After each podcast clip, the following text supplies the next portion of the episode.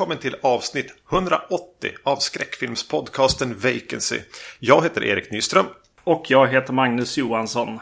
Och idag så är det lite annorlunda här för att vi har eh, två gäster. Eh, Bitches of Horror. Eh, Sarah och Jasmine. Yes. Välkomna. Hej. Hej. Tack. Tack. Eh, ska vi redogöra för vem som är vem här? Kanske? Uh, ja, jag är Sara Jerski. Yes, och jag är Jasmine Martinez. Just det. Och ni driver en, ett YouTube-program. Typ en podd. Mm. Fast på YouTube. Ja. ja, precis. Med video och bild och så. Just det. Lite mer high-tech. Uh, och vad, vad uh, gör ni där? Uh, vi drar fram uh, skräckfilm framför allt. Men också försöker röra oss in på lite mer indiefilmer eh, lite mer okända och sen också kvinnliga regissörer. Ja, precis. Så vi recenserar och sen så intervjuar vi också filmskapare. Just det. Tagit det där ett litet steg längre än vad vi har lyckats göra. Mm -hmm. Ja, fast vi kör ju också på engelska så det blir väl kanske en lite större liksom, bredd på det då. Mm. Just det. Jag skulle aldrig våga prata engelska. Eh, det blir det här Lasse Lagerbäck-engelskan eh, då. Jag känner mig som en idiot. Nej då. Men det är för, alltså jag, jag är ju halvamerikan så att jag är ju, alltså mitt modersmål är ju engelska. Ja, och jag är van att prata engelska. Ja. ja. Yes. Jag var ganska ängslig inför att vi skulle spela in nu måste jag säga. Jag frågade Magnus tror jag två gånger. Första gången svarade han inte. Eh, om, visst, visst spelar vi in det här på svenska nu då? Annars hade jag nog sjukanmält mig i sista stund. Ja, vi tar det på engelska va? ja, uh, just det. Men uh, precis. Och ni brukar prata mer om modern film än vad vi brukar göra uh, också. Och just indiefilm är lite något som vi ja, alltid... Alltså vi, vi försöker ju eh, få fram så mycket indiefilm som vi bara kan. Vi, vi, får ju ofta screeners från filmskapare som just eh, är inom indiegenren som, och mer nyskapande filmer. Så det är därför vi pratar lite mer om dem. Just det. För till oss eh, flyter det mest upp eh, liksom när de blir lite större de där filmerna. It Follows och mm. The Babadook och lite sådana där filmer. Men eh, Ja, så, så, vi brukar ju hänga lite och se på film ibland. Och jag vet mm. att för, första gången vi träffades så kändes det som att jag var i en grupp eh, av människor som hade samma intresse som mig. Men visste betydligt mer än mig om skräckgenren. Det pratades om regissörer jag aldrig hade hört talas om. Fast jag tror att det går lite båda hållen, för att ni kan ju betydligt mycket mer om lite äldre, alltså 70-talsfilm och så vidare, alltså mer än vad jag kan. Så skulle ni mm. börja rabbla upp en massa regissörer och typ filmer på den tiden så skulle jag också känna mig lite så här, eh, vilka då? Så här. Även fast jag kan lite grundläggande, men... Jag tycker det är lite intressant det för just skräckfilmsnördar brukar ju ha en tendens, i alla fall min uppfattning är att de är som jag och Magnus, bara så här dammiga arkeologer som pratar George Romero och Bela Lugosi och, och, och sånt. Eh, att, att eh, det finns ett ganska eh, fokuset på vad som kommer, vad som är nytt, vad som verkligen släpps liksom, i år eh, det når inte mig i alla fall. Jag tänker att den här slentrian skräckfilmstittaren har hellre fyra utgåvor av Dawn of the Dead i hyllan än någonting som är släppt 2018. Men vad var det som, hur kom ni in på att liksom vara i, i, i frontlinjen? Har det alltid varit så med, med era skräckfilmstittande? Att ni har varit nyfikna på det som är nytt?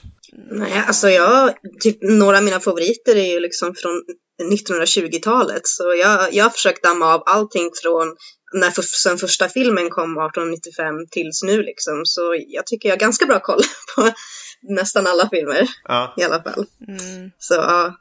Jag är inte alls lika duktig, men Sara är betydligt mycket mer insatt när det gäller just äldre film än vad jag är.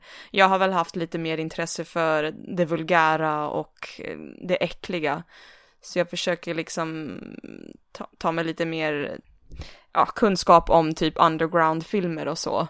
Har försökt leta mig fram med lite sånt där. Eh, men också lite mer asiatiskt och eh, sånt, ja, åt det hållet. Just det. Men började det med asiatisk film då, eller? Nej, för mig började det med Exorcisten faktiskt. Eh, den traumatiserade mig och sen så efter det så vart jag väl intresserad av just den skräcken så att säga. Och ja, den Hur gammal var du då? Eh, nio. Och jag Ja. bodde i USA och gick i kyrkan så att det var ännu värre. för att jag trodde att djävulen skulle komma och ta mig. Just det. Ja, det är spännande. Vi ser en hel del just om så här, djävulen och sånt. Men det är... Eh, man, man får alltid försöka förstå hur hemskt det är liksom. Ja, alltså nu, nu är det nog okej. Även fast ibland vet, lite spöken och sådär, bara, "Åh, kanske är något, men ja, jag har nog gett upp det där att, eh, att djävulen kommer att ta mig, men man vet aldrig. Har du en katolsk bakgrund eller? Nej, protestant tror jag att det var, Ja. jag minns inte, lutheran, lutheransk var det nog. Ja, det är väl typ som vi i inte. Sverige ungefär. Ja, precis. Så, Just det. ja. Ja, precis. Eh, någonting så, eh, vi har pratat lite grann nu om eh, i senare avsnitt liksom hur, hur film, skräckfilmen ändå för oss börjar också kännas Alltså vi har varit ganska less på den, ska vi säga. På modern skräck, eh, eh, remakesvågen och, och, och även den här så eh, franchisen. Franchisen och sådär. Eh, så de, de skräckfilmsvågor som har gått egentligen.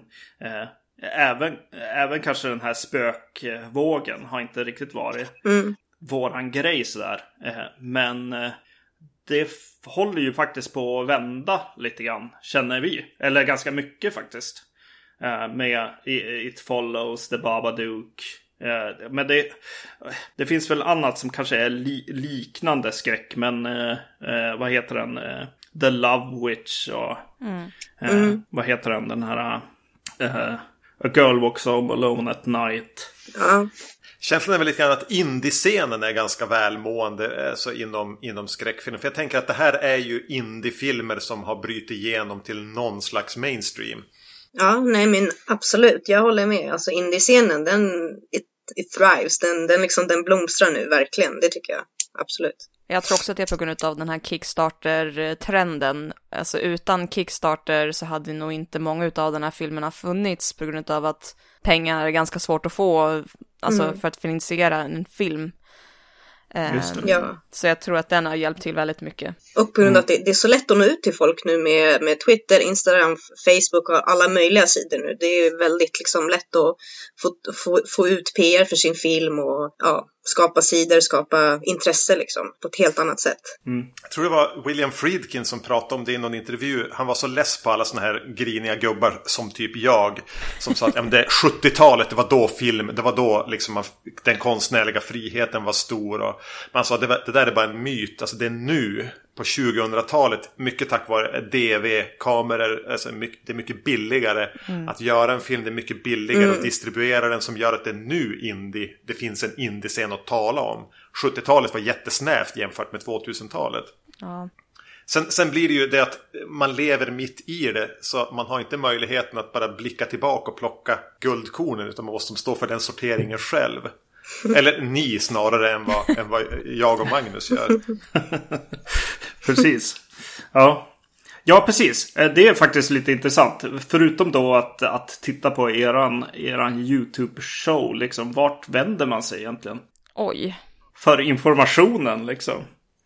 Har ni någon hemsida som ni vänder er till? Eller är det liksom... Nej. Det bara, det bara dyker det upp bara dyker liksom? upp känns det som. Ja. Jag vet faktiskt inte. Alltså jag, jag personligen Ja. så gillar inte jag att titta på trailers överhuvudtaget. Så typ nu monsterfilm till exempel som eh, kommer upp nu. Mm. Alltså de filmerna som visas där har jag typ aldrig hört talas om. Nej. Många ut, alltså majoriteten utav dem. För att jag kollar inte upp saker. Sen så när jag ser typ något namn eller så här något, då jag vet inte, det känns som att ju mer jag kollar upp ju mer jag blir spoilad och jag avskyr att bli spoilad. Jag vill helst bara titta på en film och inte veta något om den. Ja, men jag, jag känner samma sak. Ju mindre jag vet om någon film, desto bättre brukar det bli. I alla fall. Annars blir det den där att man typ kollar upp och bara åh yes, den kommer bli så jävla bra och sen så eh, tittar man på den och så bara nej, den var skräp. Typ allt bra var i trailern. Ja.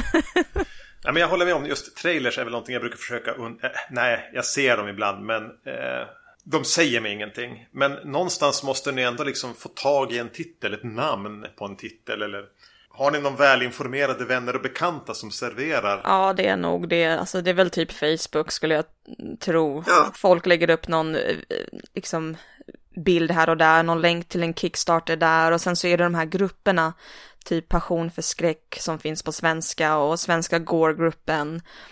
Ehm, Så där är det också ganska mycket som tipsar och Ja, så. precis. Just det. Ja, nej men eh, vad, vad... Alltså jag blir mest nyfiken på vad som är liksom... Vad, är- vad är bra då? Vad ska man se nu för tiden? Om ni ger några titlar eh, först Och, kan, här och, in. kanske, och kanske något namn också som är värt att följa. Ja, just det. Alltså en regissör eller... Mm. Det är svårt för att det beror på vem vad man vill, liksom vad man gillar för något. Men, Ja, men precis. Men om, om man gillar Gore och sånt så tycker jag absolut man borde kolla in Terrifier av eh, Damien Leone. Just det. Så ja, det ska bli kul att se vad han gör i framtiden. Det var, det var riktigt bra. ja, Ja. han är ju känd för sin SFX också så att det är ju Mm. väldigt snyggt gjort. Mm, välgjort. Annars så är det väl lite större namn så är det ju Tyler McIntyre som bland annat gjorde Tragedy Girls som kom ut i, nu i år och eh, Patchwork. Patchwork. Ja. Han har en väldigt eh, rolig syn på skräcken tycker jag. Just det. Och någon som har utvecklats jättemycket tycker jag är Jonathan Roberts som gjorde senaste Strangers 2, Pray at Night. Som är hans bästa film hittills, som jag gillade jättemycket. Är det alltså uppföljaren på den där filmen med Liv Tyler? Ja. Ja, precis. Och Den är mycket, mycket bättre, tvåan alltså. Jag har hört, eh, eller jag läste någon recension som sa exakt samma sak. ja. Ja, vad kul. Ja, då fick vi ju några till tips än de vi kommer få i det här programmet här snart. Kvinnliga regissörer då? Vem är det stora namnet där? Jag och Jasmine är lite inne på samma. Eh, vi gillar ju Heidi Moore som har gjort Dolly Deadly bland annat. Hon kanske inte är jättestor just nu men jag, jag tror att hon kommer göra bra grejer, alltså riktigt bra grejer i framtiden. Ja, ja, ja, hon är min, min lilla girl crush när det gäller uh, kvinnliga regissörer. Men annars är det väl Gigi Salgorero som har gjort El Gigante. Och han, hon gör mycket kortfilmer.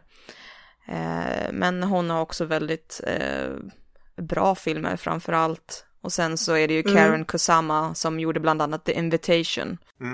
Hon var med i den här eh, Triple X. Eh, hon gjorde någon av dem va? X, X, ja precis. Ja, jag vet inte, minns inte vad den heter nu, men den, eh, den, den sista tror jag att det var.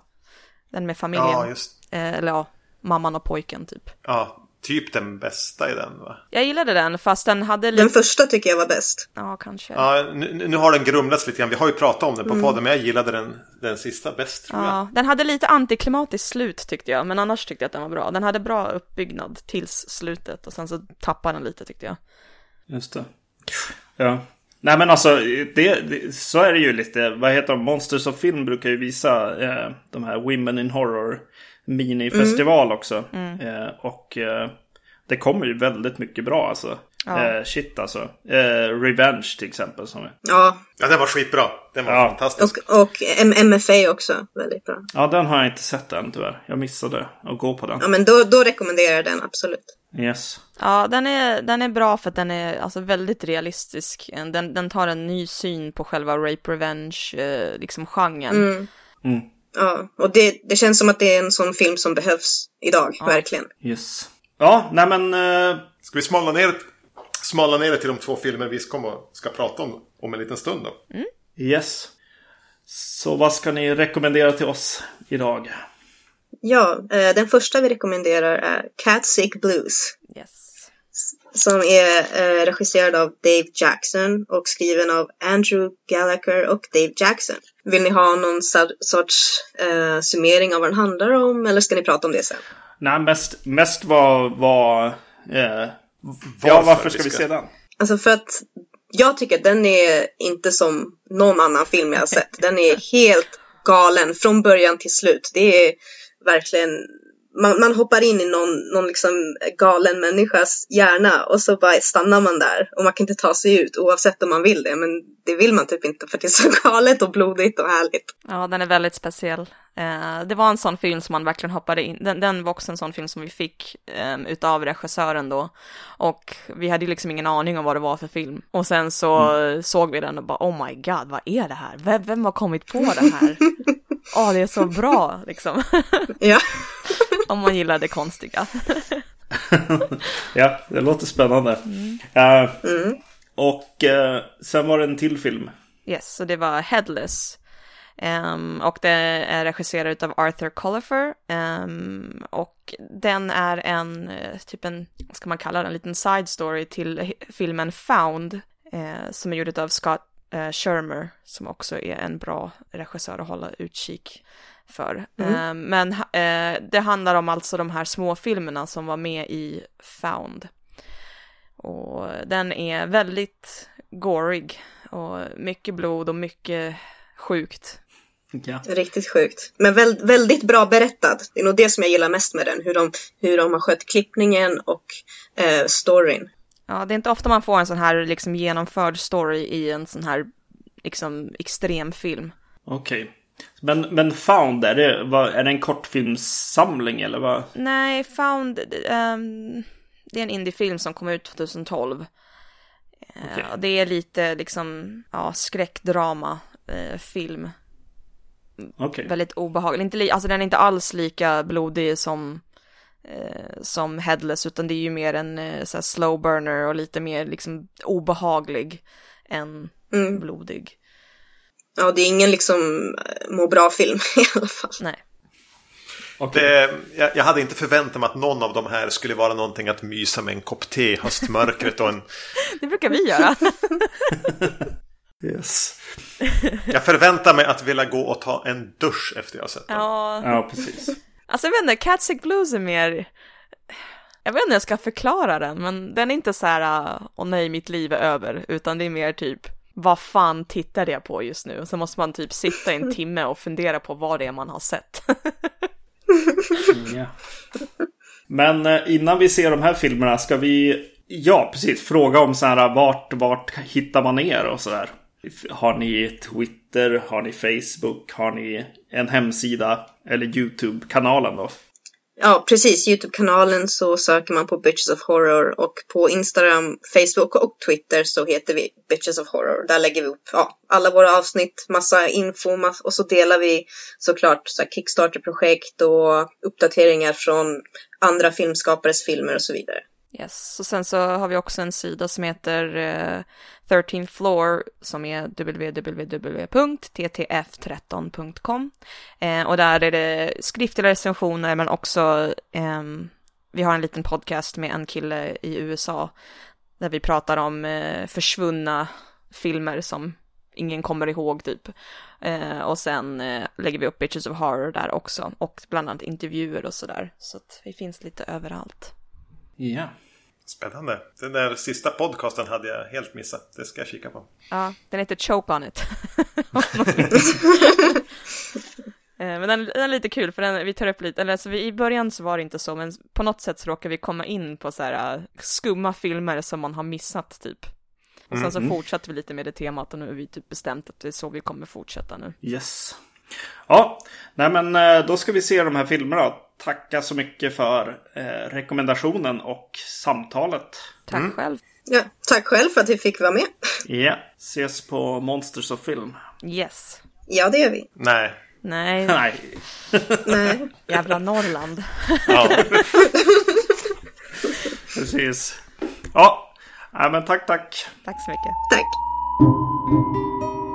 Ja, men då var vi tillbaka. Två filmer rikare i livet. Yes. Vilken tänkte vi att vi skulle börja med här? Precis, eh, det, det tedde sig så att båda eh, vi såg Headless från 2015 först.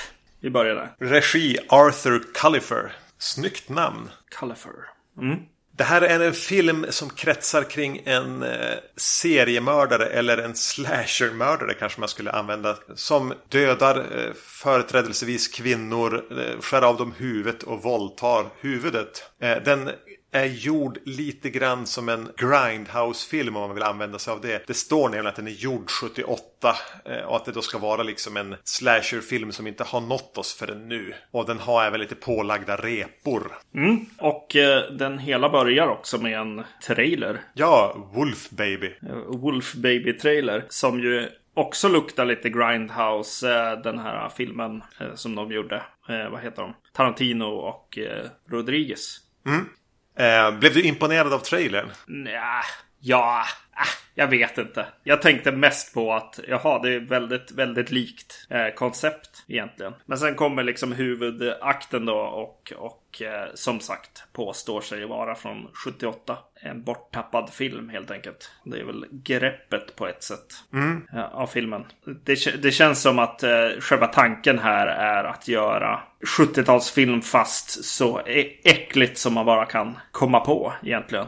Texas Chainsaw Massacre om den faktiskt var en massaker på ett sätt. Eller också, också helt freaky i tanken på mördaren liksom. Om Leatherface hade onanerat med huvuden. Jag var väldigt osäker på vad jag skulle säga att han gjorde med huvudena här. Bara, Har han sex med dem? Nej, nej, det kändes fel. Våldta, kan man våldta ett huvud? Precis. Ja, alltså, ja, sån här filosofisk eh, resonemang sån här, på, på, på, väg till och från jobbet som jag aldrig trodde att jag skulle behöva ha. Onanera med ett huvud, ja det är väl kanske närmast sanningen. Men... Precis, exakt. Jag, jag tänkte på det också på vägen från jobbet. Så nu vet ni vad, ni vad vi gör när vi har stämplat ut på väg hem till våra barn. vad vi tänker på. Vad gör man med ett... Ja, om man... ja, okej. Yes! Vi fortsätter. Nog om det. Vad tyckte du om den här gimmicken med att den ska vara en förlorad film från 1978? Köpte du det? Nej, nej, nej, det gjorde jag ju inte. Utan den känns ju som en Grindhouse rip-off. Het, hette den Grindhouse? Vad hette den? Jo, den hette så va? Planet Terror och den andra. Just det. Förlåt Quinten. Ja, den då... ja, den, den lite sämre filmskaparen. eh, Death Proof heter den. Andra. Och jag kände mig att jag har, har, har sett något, något liknande i, i samma liksom veva egentligen. Ja, men visst kommer det ett gäng sånt här då? Att Ja, man skulle ha precis. lite repiga filmer och det skulle kännas 70-tal och mycket bilar gärna och eh, cyniskt övervåld och... Precis, exakt. Jo, eh, exakt. Jag kanske inte ska nämna någon. Ja, nej, jag kommer inte ihåg vad de hette. Men jag såg ju några sådana där när vi eh, recens- recenserade film för någon eh, hemsida. Ja, v- vårat mörka förflutna. Men alltså, ja, alltså framförallt så tycker jag ändå att det positiva här i början, det är ju de här gula, alltså förtexterna, gula texten och de här platserna han är på egentligen. Eh, Den här mördaren. Eh, Det känns som att de har hittat coola hus, övergivna hus liksom. eh, Som de har gjort det mesta de kan med liksom. Även om interiörerna matchar sällan exteriörerna. Eh, exakt. Eh, jag tror att jag pratar mest om, om utomhus eh, ex, exteriörerna, ja precis. Och, och de här eh, lite så här eh, rostade bilar på, en, på någon bakgård eh, på ett övergivet hus och så här. Ganska häftiga ställen som de har hittat. Och eh, det känns som att de har hittat en, vad ska man säga, en eh, posteffekts liksom look för filmen som passar den. Eh, Jag tror att det är för att också eh, lite positivt med de här gula te- eh, texterna i förtexten. Vilket ju får en att tänka också på House of the Devil. Ty Wests eh, film. Sorry, jag tappade en grej. Det, det, det känns som det är lite häftigt så här. Precis, fast man blir ju lite stött också. När det börjar, börjar onaneras med huvuden ganska fort i den här filmen. Ja, det är väl i princip nästan under förtexterna. Ja, precis. Jo, det är ju det. Men eh, ja, man får, man får tänka. Jag tänkte så här. Ja, men 70-talet så här. Hur otrevligt då så här ville man göra det? Och, och jag tänkte också på min ungdom så här att, att man ville se lite de här lite för otäcka filmerna liksom. Eh, när det blev lite extra slafsigt och så. Jag kunde inte liksom, liksom se tillbaka och se så här grova saker kanske. Det var väl aldrig riktigt det här jag eh, trånade efter heller då. Även ens eh, så när vi var 16 kanske. Nej, precis. Jag kände någonstans att ja, men, okej, den ska kännas som att den är gjord av någon eh, skrupellös regissör 78. Grejen är att den här typen av film 78 hade gjorts av eh, någon porrfilmsregissör. Ja. Medan känslan i Headless är hela tiden att den är gjord av eh, filmskoleelever som vill tänja på gränser. För mig spricker den här bubblan av att den skulle vara någonting från en svunnen tid. Förutom eh, den här schyssta gula färgen på förtexterna, det håller jag med om.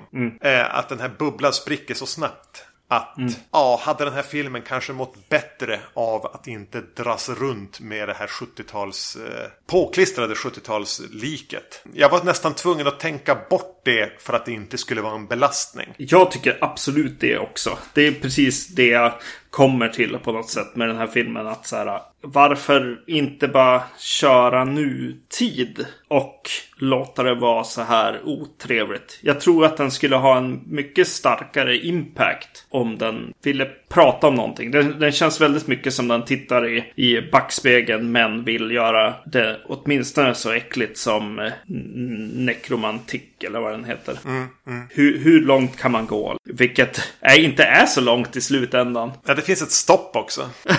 Precis, och eh, tyvärr i den här filmen så är ju det eh, redan där i förtexterna. Ja. Det, det, blir, det blir liksom inte otäckare än, än att onanera med, med huvuden helt enkelt. Inte ens att, att eh, kissa på folk och sådär. Men jag tror att anledningen att den fortfarande utspelas på 70-talet är väl att den egentligen härrör från den här filmen Found. Mm, just det. Försökte läsa in mig lite grann på det. Att det är någon film som figurerar i den. Eh, Som en slags, man får väl se glimtar ur den eller någonting. Aha. Och att de då gjorde en liten kortfilm som jag tänker så här extra material. Och sen har de vävt vidare det i, till en fullängdare. Okej. Mm, så sett ur det så hade det kanske inte så mycket val. Men känslan som då uppstod hos mig att det här är ett kompisgäng som gör filmer. De lärde känna varandra när de pluggade på någon filmskola någonstans i USA. Lite halvbortskämda slynglar. Och, och, och att då blev det som en, som en liten grej att göra den här. Ja, just det. Ja, men då är det ju en... Då är det lite en annan sak också. Då är det ju liksom den filmens ma- machete kills. Eller, eller machete bara. Ja, Eh, Okej, det blir ju en helt annan tanke då. För de som gillar den första filmen på något sätt. men det är ju en knepig film att göra som en film. Som inte bara blir ett extra material till huvudfilmen då.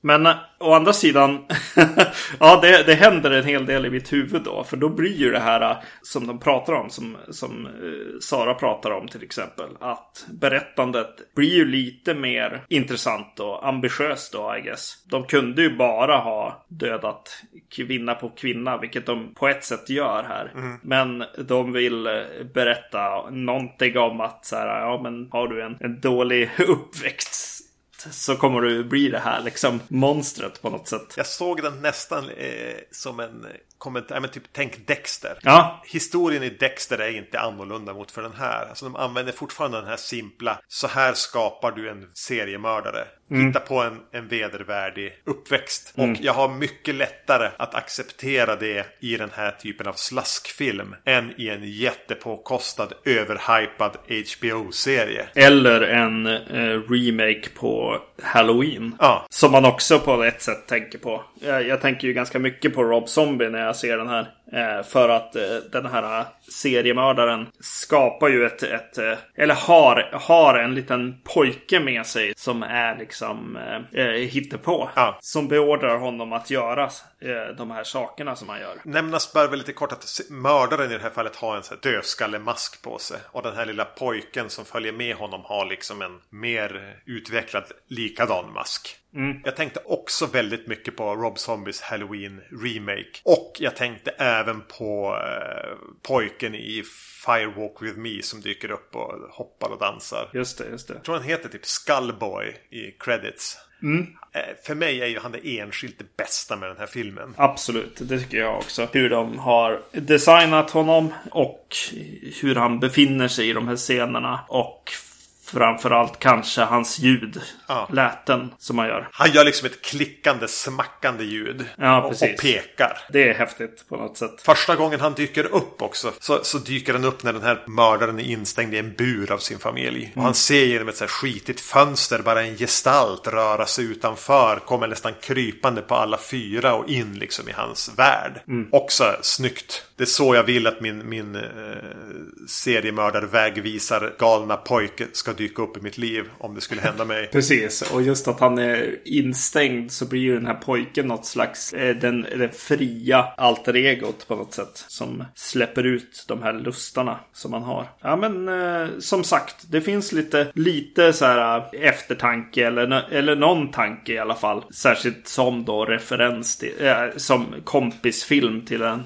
till en annan rulle. Så blir ju det här berättandet ganska bra genomfört. Men det blir ju också på samma sätt som i Rob Zombies Halloween. Det blir lite cookie cutter på ett sätt. Ha ett, ha ett hemskt liv så, så kommer du göra hemska saker mot andra. Och sen blir ju problemet att den ga trycker gaser i botten direkt. Och sen släpper den aldrig det. Nej, precis. Om den hade eskalerat till det där så hade den nog kanske eh, slagit hårdare på något sätt. Men samtidigt känner jag att vi måste backa lite grann och tänka att det här är lågbudget amatörafton på många sätt. Ja. Alltså det, det finns inga skådespelarprestationer att prata om. Eh, möjligtvis med undantag för den här pojken i den här dödskallemasken. precis. Alltså det känns, det, det blir kompisgängskänsla. Ja. Alla karaktärer är ungefär i samma ålder. Och, Ja. och, och ser ut att ha samma intressen. Mm. De har något effekt, effektgäng här. Eh, som eh, jag, jag är inte så tokigt ifrån som en del av Gore-effekterna. Nej. Framförallt med tanke på att det här är en budget som... Det här är en lågbudgetrulle. Eh, Det är, en- det är en riktigt rolig så här, på tal om det. De gör ganska,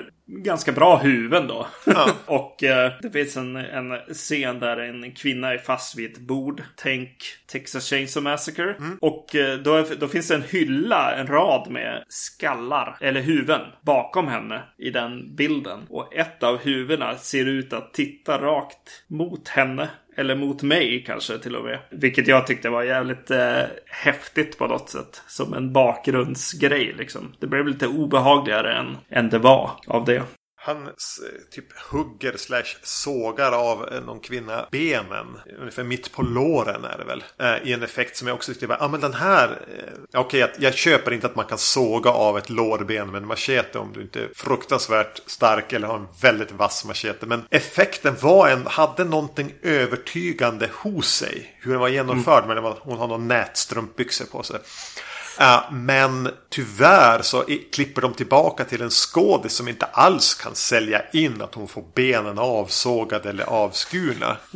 Så, så att eh, skådespel och lite regi eller val av klippning där motverkar lite grann effekter som ändå var lite bättre än vad jag hade vågat hoppats på. Eller bättre än vad jag hade vågat hoppas på. Om man ska jämföra med eh, kvaliteten på, på skådespel exempelvis. Just det, och det är här kanske eh, på ett sätt den, den inte är från 70-talet på något sätt. För eh, den har glimten i ögat på något sätt. Är det inte hon också som, som skriker You motherfucking psycho när Ja. hon har en machete i magen? Det är ju glimt i ögat här som gäller på något sätt. Kanske då på grund av, av att de inte har skådespelare som räcker hela vägen. Nej. Så gör man kanske det valet, vilket kanske är positivt på ett sätt. Jag tyckte ändå de här två tjejerna som jobbar väl båda två på den här rullskridsko-arenan. Alltså de får lite dialogsekvenser när de pratar om vilken skitstövel till pojkvän den andra har. Och, och så vidare. Att ah, men, ni är också bättre i era dialogscener än vad jag trodde. Alltså, Ja, ni, jo. ni, ni, ni fungerar. Ni gör ett bra jobb. Men det är väl lite grann som jag, som jag pratade om med vad heter den, eh, besökarna. Att det finns någonting i manuset och viljan att porträttera det här dumma relationen egentligen. Som Ja. är väldigt cookie cutter. Men ändå som är så här. De är ju sådär bandmedlemmar. Bryr sig bara om eh, sig själva. Ja, det är en ganska relaterbar dialog. Men alltså, ja, jag satt ju och skakade lite på huvudet och kände mig som en gubbe liksom. Eh, mycket av, av eh, filmen också. Det är ju en eh, film att se med skräckfilms eh, eh, rakt av. Inte med... med... Inte med första dejten. Nej, nej det är det verkligen inte. Utan det är någon slags, kanske en gruppaktivitet att se den här. Kan jag tycka ändå. För de som går på Monsters of Film-festivalen. Det var en rätt sjuk känsla för mig att sitta och se den med min dotter sovande i rummet bredvid. Liksom. Jag tänkte på en regissör som heter Ryan Nicholson som du förmodligen aldrig har hört talas om och det behöver du inte ha heller. Han är effektmakare. Han jobbade bland annat på The Predator. Men han har också sitt kompisgäng som jag gör film i då och då. Och, och för en massor med år sedan så recenserade jag de här. Mm. Han har gjort en som heter Torch och någon som heter Gutterballs. Som bara är, är ja, men ha kul med kompisarna och gör massa slafs. Försöker pusha fram våldet så långt det går. Och ja. ha en lite nihilistisk syn på, på story. Det var väl det som jag tänkte på mest i min, i det här avseendet, ganska begränsade erfarenhet av liksom skräck på den här sidan millennieskiftet. Mm. Alltså den här eh, enorma indie-utbudet som finns. Ja. Jag ville bara få in det så jag skulle verka lite smartare och mer bevandrad i film. ja, det är bra. Ska vi hoppa över till Catsick Blues från 2015? Absolut. Den här hade jag faktiskt sett någon liten trailer eller en bild från som hade fått mig lite intresserad. För jag hade sett eh, designen på den här mördaren som dyker upp i filmen. Mm. Eh, men det kommer vi till. Den här är regisserad av en Dave Jackson och är australiensisk. Precis. Jag, det tog ett tag innan jag riktigt hade lyckats. Jag var tvungen, faktiskt tvungen att pausa den för att kolla varför de pratar så konstigt.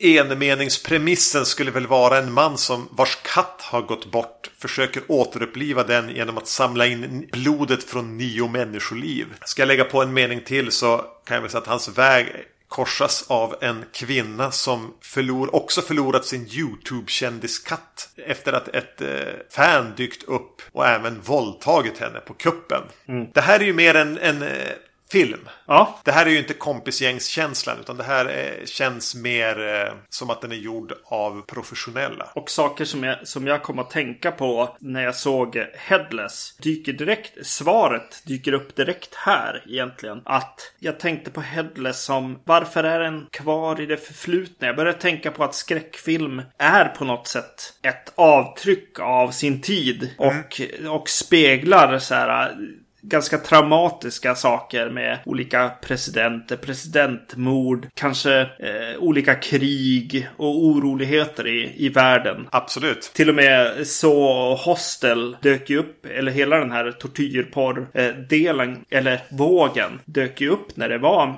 väldigt mycket amerikanska män som åkte till Mellanöstern och blev torterade i princip. Mm. Och även tvärtom i och för sig. Men ja, i, i en tid av tortyr på, på film och de här, de här huvudena som blev avhuggna och annat. Så det var det jag började tänka på när jag såg Headless. Att så här, varför blicka så mycket bakåt?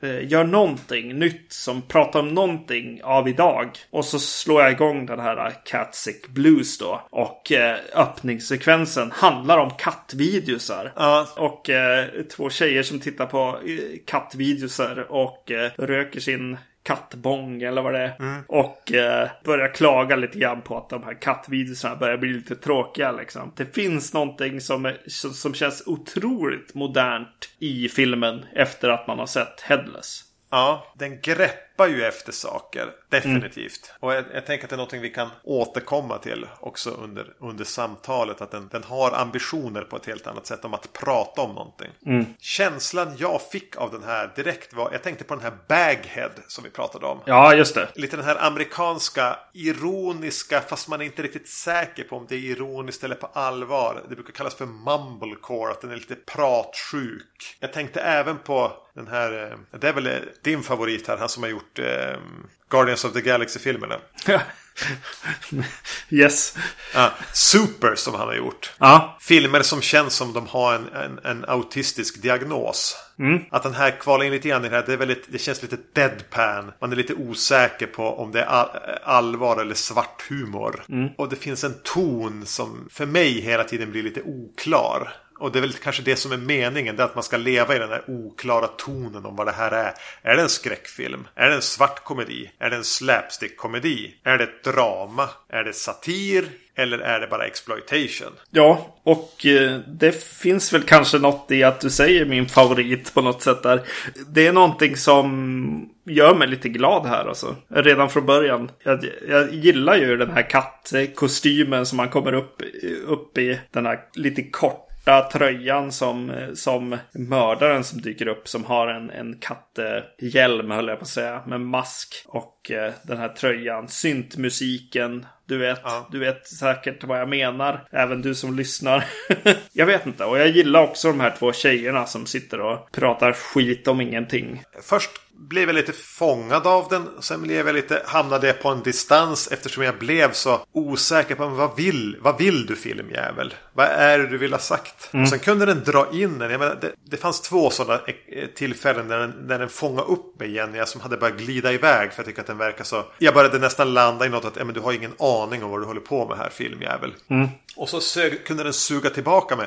Och första sånt tillfället är det som händer den här, eh, hon som har YouTube-kändiskatten. Hon blir ju, som jag nämnde tidigare, även våldtagen. Och det här lyckas filmas. Som hamnar på nätet. Ja. Hon sitter och tittar på reaktion, alltså där andra YouTube-fenomen eller bara random idioter har gjort reaktionsvideor på när de ser på videon där hon blir våldtagen av ett fan inom citationstecken. Ja. Och då bara, fan du är någonting på spåret här. Och det kanske bara är, handlar snarare om att jag inte riktigt kan se genom det här töcknet i film som jag är så ovan att dechiffrera.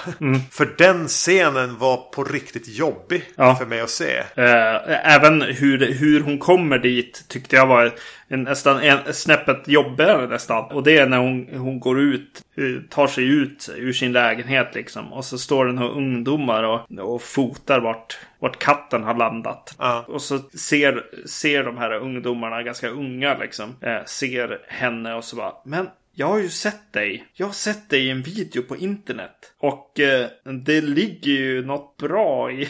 Ja. alltså något, något jävligt eh, liksom nu i den scenen på något sätt. Och just att hon då kommer till att så här, vänta nu, jag måste... Den här videon ligger uppe någonstans. Och det är väl det jag gillar med att jag greppar det inte riktigt. Den lyckas säga sanningar och den lyckas vara i någonting som jag inte riktigt förstår.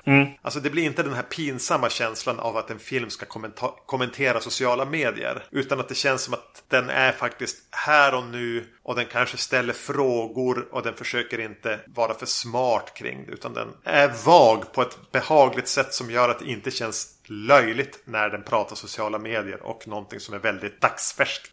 Utan det känns mer som någonting som man lite grann vill låsa upp. Jag tänker ju att, att de har tagit avstamp i kattvideos och bara, vad kan vi göra? På det här temat på något sätt. Eh, Till en skräckfilm. Internet, kattvideos. Vad är det folk fastnar för och inte ser i, sa- samhället utanför och sånt där. Att den är lite där och jobbar. Men den jobbar ju över, överlag på internet känns det som. För att den här kattmannen, han, den här mördaren som dyker, eh, dyker upp, han som eh, eh, har förlorat sin katt och ska eh, och dödar folk, gör ju liksom sig själv till en katt också. Han har ju någon slags fetisch där. Ja, med handskar med klor och en stor penis med hullingar. Precis. Eh, Han tar kontakt också med så här live-videosar och sånt med folk på internet som låtsas vara katter och sådär. Jag tycker det är lite, lite häftigt på något sätt. Det känns också samtidigt som den här filmen inte kan komma till ytan och bli en av de här indiefilmerna som blir eh, riktigt stora just på grund av den där katt eh, eh, penisen som han har en eh, konstnärskompis som, som skapar åt honom. Det blir för vulgärt på något sätt. Ja, väldigt, även det är ju väldigt oklart riktigt vad han ska ha den till. Annat än att känna sig själv som mer som en katt. Kanske. Men den är ju även inne och skrapar på någonting. Där. Det var en av de här andra punkterna då den fångar mig verkligen. Det är när han har, har en tjej som han har tejpat fast och har väl som börjar närma sig slutet på sin plan här när han ska kunna återuppliva sin, sin stackars döda katt. Så s- börjar hon skriker hon bara åt. Men du tror att du vill återuppliva din katt genom att döda en massa människor. Men av de här du har dödat, alla var kvinnor. Det här handlar inte om din katt. Det här handlar om dig, din kvinnohatande sjuke fan. Eller vad hon nu säger. Jag bara, ja okej. Alltså att, att det blir en liten throwaway kommentar. Men även där lyckas den ju få in någon, någonting. Ja. Där det leder upp till en scen som visar sig vara någon slags dröm eller hallucination. Eller det blir i alla fall väldigt vagt. Ja. Du vet vad jag menar när hon hamnar på en... När hennes föräldrar dyker upp och hon är typ vanställd. Ja. Då hade jag avfärdat den som ett jävla billigt slut. Ja, precis. Och sen vrider den om det ändå. Ja. Så, så den lyckas ju hela tiden leka med ens förväntningar och spela på dem och hålla en i en osäkerhet med vad fan det är jag tittar på och vad är det den vill prata om.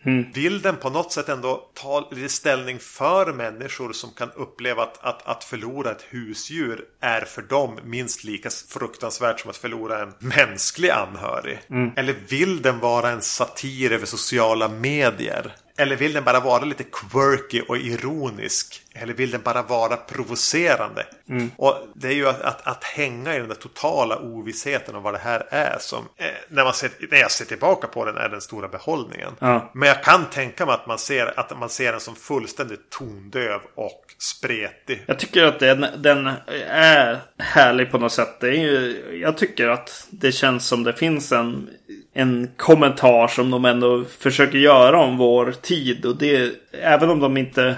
Eller jag vet inte. Jag tycker att det är roligt eh, att de tar något slags avstamp i kattvideos i det här fallet kanske. Och eh, går hela vägen med så här att, att vi är lite avstängda och frånkopplade i det att så här, även nyheterna om morden här rapporteras med, med ganska mycket glimten i ögat och på ett litet skojigt vis och reaktionsvideos här till våldtäkter. Ungdomarna som säger åt våldtäktsoffret, som behandlar henne lite som en kändis. Just att den försöker lite avhandla en bit av våran tid. Tycker jag är nice. Och som du är inne på också lite grann om just det här med, eh, med djur, djurdelen. Är den, är den viktig egentligen? För att jag tycker att de, de klär hela filmen i katter. Eller husdjur. Ja. Och jag vet inte om det, om det är lite grann för att inte direkt lyfta bilden och bli liksom en av de här internetskräckisarna på något sätt. Utan, utan att det, det är mer av en setting. Och det är kanske det hon kommenterar på också. Att du tror att det här handlar om din döda katt. Men det gör inte det. Utan det handlar om ditt kvinnohat. Katten är bara en red herring. Den handlar väl lite grann om ensamhet också, tänker jag. Att eh, båda de här karaktärerna vi presenteras för har ju ingenting annat. De av, avvisar ju nästan annan mänsklig kontakt. Eh, precis. Och, och eh, har också samtidigt, söker också samtidigt kontakt på ett sätt. Att eh, hon är ganska öppen för att öppna dörren till det här fanet. Gå ut med snubben som betedde sig väldigt konstigt i stödgruppen hon just var, eh, var del i och sådär. Alltså hon har, hon har ett litet destruktivt eh, beteende på något sätt. Jag tycker även de är väldigt bra. Matthew C. Vaughn heter han som spelar mördaren och Meg Spencer spelar den kvinnliga hjältinnan, om vi får kalla hon för det. De är bra. Jo men det är de ju, absolut. Där är det lite, lite roligt och det är väl då där man ser, här man ser menar jag, den här indie-känslan. Att hon hamnar i en situation där det, där det dyker upp präster och dok doktorer och eh, väktare och sådär. Och alla de är precis lika unga som, hen, som Ja. hon eller till och med lite yngre. Eh, De är film, filmskaparens eh, kompisar i princip. Precis, där var de bara I de små rollerna måste han fylla ut med kompisar. Om man kan se en charm i det eller om det blir en distraktion, det är väl upp till var och en. Jag tycker att, att det är li- lite synd att den förmodligen inte kommer att komma mycket längre än att vara en indie-film så här. Eh, gömd lite grann. Ja. Eh, för, för att han eh, gör någ några utfall och några saker som är lite för mycket för mainstreamen liksom. Eh, vilket är lite